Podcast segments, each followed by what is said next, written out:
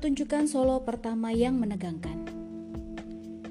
Sampai sekarang, jantungku masih berdebar-debar jika mengingat pertama kalinya aku disambut tepuk tangan yang meriah dari orang banyak di atas panggung yang megah. Sampai sekarang, aku juga merasa bahagia setiap kali melihat trofi yang berkilauan itu. Jika ada kesempatan, aku ingin berpartisipasi dalam kompetisi besar lagi. Aku mengungkapkan keinginanku kepada ibu, dan beliau mengangguk sambil tersenyum. Wah, sepertinya sekarang putriku sudah mengetahui kebahagiaan di balik tantangan ya. Tahun berikutnya, aku mendapat juara satu di kompetisi seni penyandang cacat nasional ke-6 yang diadakan Departemen Kesehatan dan Sosial. Pada tahun 1994, aku mendapatkan penghargaan tertinggi dari Departemen Urusan Veteran dalam kompetisi yang sama. Lalu, menerima penghargaan terbaik dalam kompetisi HUT ke-100 Sekolah Luar Biasa Korea. Pada tahun 1996, untuk pertama kalinya, aku mendapatkan undangan jalan-jalan ke Jepang.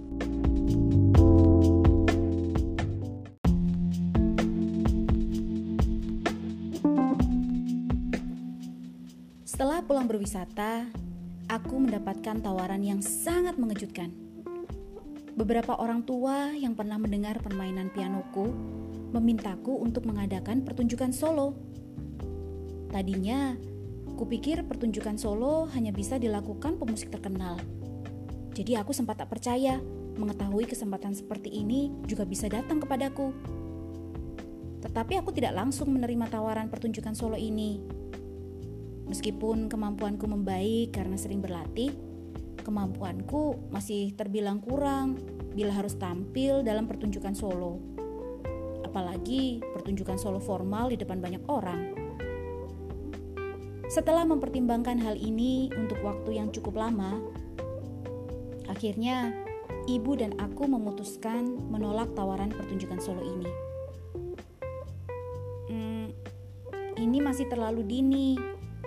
Aku belum begitu lama bermain piano Pasti akan tampak aneh jika anak sekecil aku mengadakan pertunjukan solo, kataku. Ibu sependapat denganku dan tidak berkomentar lagi. Namun, pihak yang menawarkan kesempatan itu tidak bersedia ditolak begitu saja.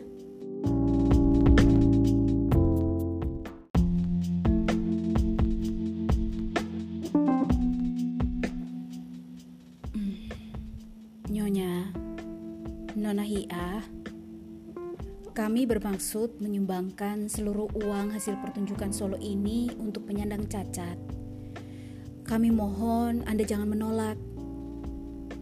Kami meminta kesediaan Anda melakukan pertunjukan yang bisa memberikan harapan dan mimpi untuk para penyandang cacat ini. Ibu dan aku bertatapan lagi. Jika pertunjukan ini ditujukan bagi penyandang cacat, ibu dan aku serentak mengangguk. Jika ini untuk penyandang cacat, hal yang lebih sulit dari ini pun akan kulakukan dengan senang hati. Baiklah, aku akan mencobanya.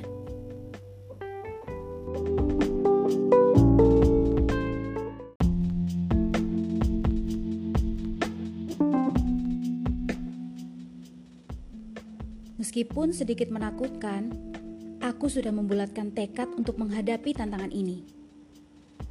Hia, kau bisa melakukannya. Kita coba saja ya. Dukungan ibu membuatku semakin bersemangat. Jika ingin melakukan pertunjukan solo, aku harus menyiapkan setidaknya 22 buah lagu. Hah, itu sama sekali tidak mudah. Aku fokus berlatih seperti saat mempersiapkan untuk kompetisi. Aku menghabiskan waktu seharian di depan piano, sampai mengurangi waktu makan dan tidur. Selama aku bermain piano, ibu pun tak bisa beristirahat, dan beliau benar-benar kelelahan. Bibir ibu pecah-pecah dan terkena saliawan, sehingga tak bisa banyak bicara.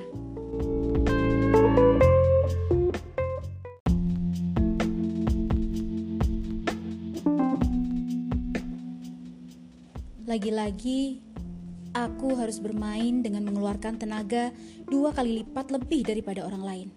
Karena aku hanya mempunyai empat jari untuk memainkan musik yang bahkan sulit dimainkan dengan sepuluh jari. Temponya harus dua kali lebih cepat dan menghabiskan waktu dua kali lipat daripada biasanya. Aku terus berlatih sampai tanganku bengkak. Meskipun sudah berulang kali memainkan musik yang sama, aku tidak akan berhenti memainkannya jika belum puas. Pada tahun 1997, akhirnya pertunjukan solo pertama yang kuimpikan selama ini dilangsungkan. Sebenarnya, tempat pertunjukan itu hanya aula mungil di Gangnam Seoul. Tetapi entah bagaimana, banyak orang yang datang dan semua kursi terisi penuh. Sama sekali tidak ada tempat kosong. Buket bunga pun membanjiri tempat pertunjukan.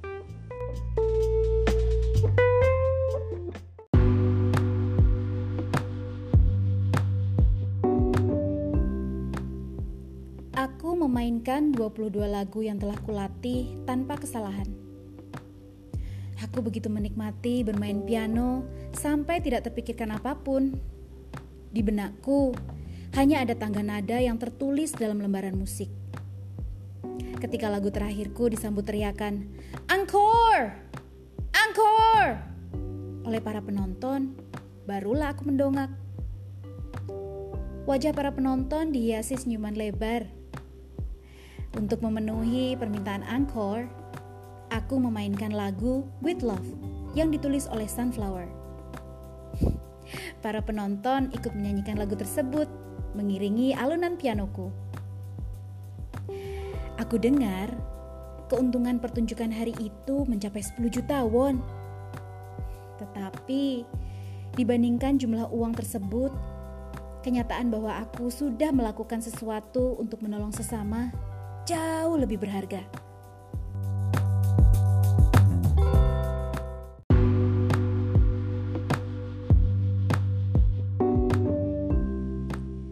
Sejak berita tentang pianis berjari empat yang menampilkan permainan piano mengharukan disiarkan, banyak orang mulai mengetahui keberadaanku. Perusahaan penyiaran terus-menerus menelponku. Mereka bilang banyak orang mengantre untuk berbincang-bincang denganku sampai ada yang bersedia membuatkan asosiasi pendukung untukku. Setelah mempertimbangkan persoalan asosiasi pendukung, ibu pun membuat keputusan dengan mudah. Meskipun keluarga kita tidak berkecukupan, ayah dan ibu ingin kau hidup bahagia. Kita memang mendapatkan uang bantuan, tapi nantinya kau tidak bisa bertindak bebas dalam asosiasi pendukung itu Hia, ibu tidak ingin kau terikat pada uang. Coba lihat, para master seperti Beethoven dan Mozart. Karena mereka mampu mengatasi keterbatasan diri, sampai sekarang mereka masih menyentuh hati orang banyak, bukan? Kau juga harus berusaha seperti itu, dan jadilah orang yang dicintai banyak orang. Sampai sekarang, ibu tidak pernah mendirikan asosiasi pendukung. Karena itu, aku sangat berterima kasih karena bisa memainkan musik sepuas hatiku. Aku berlatih tanpa istirahat satu hari pun, karena yang membuatku seperti sekarang ini adalah kerja keras dan latihan.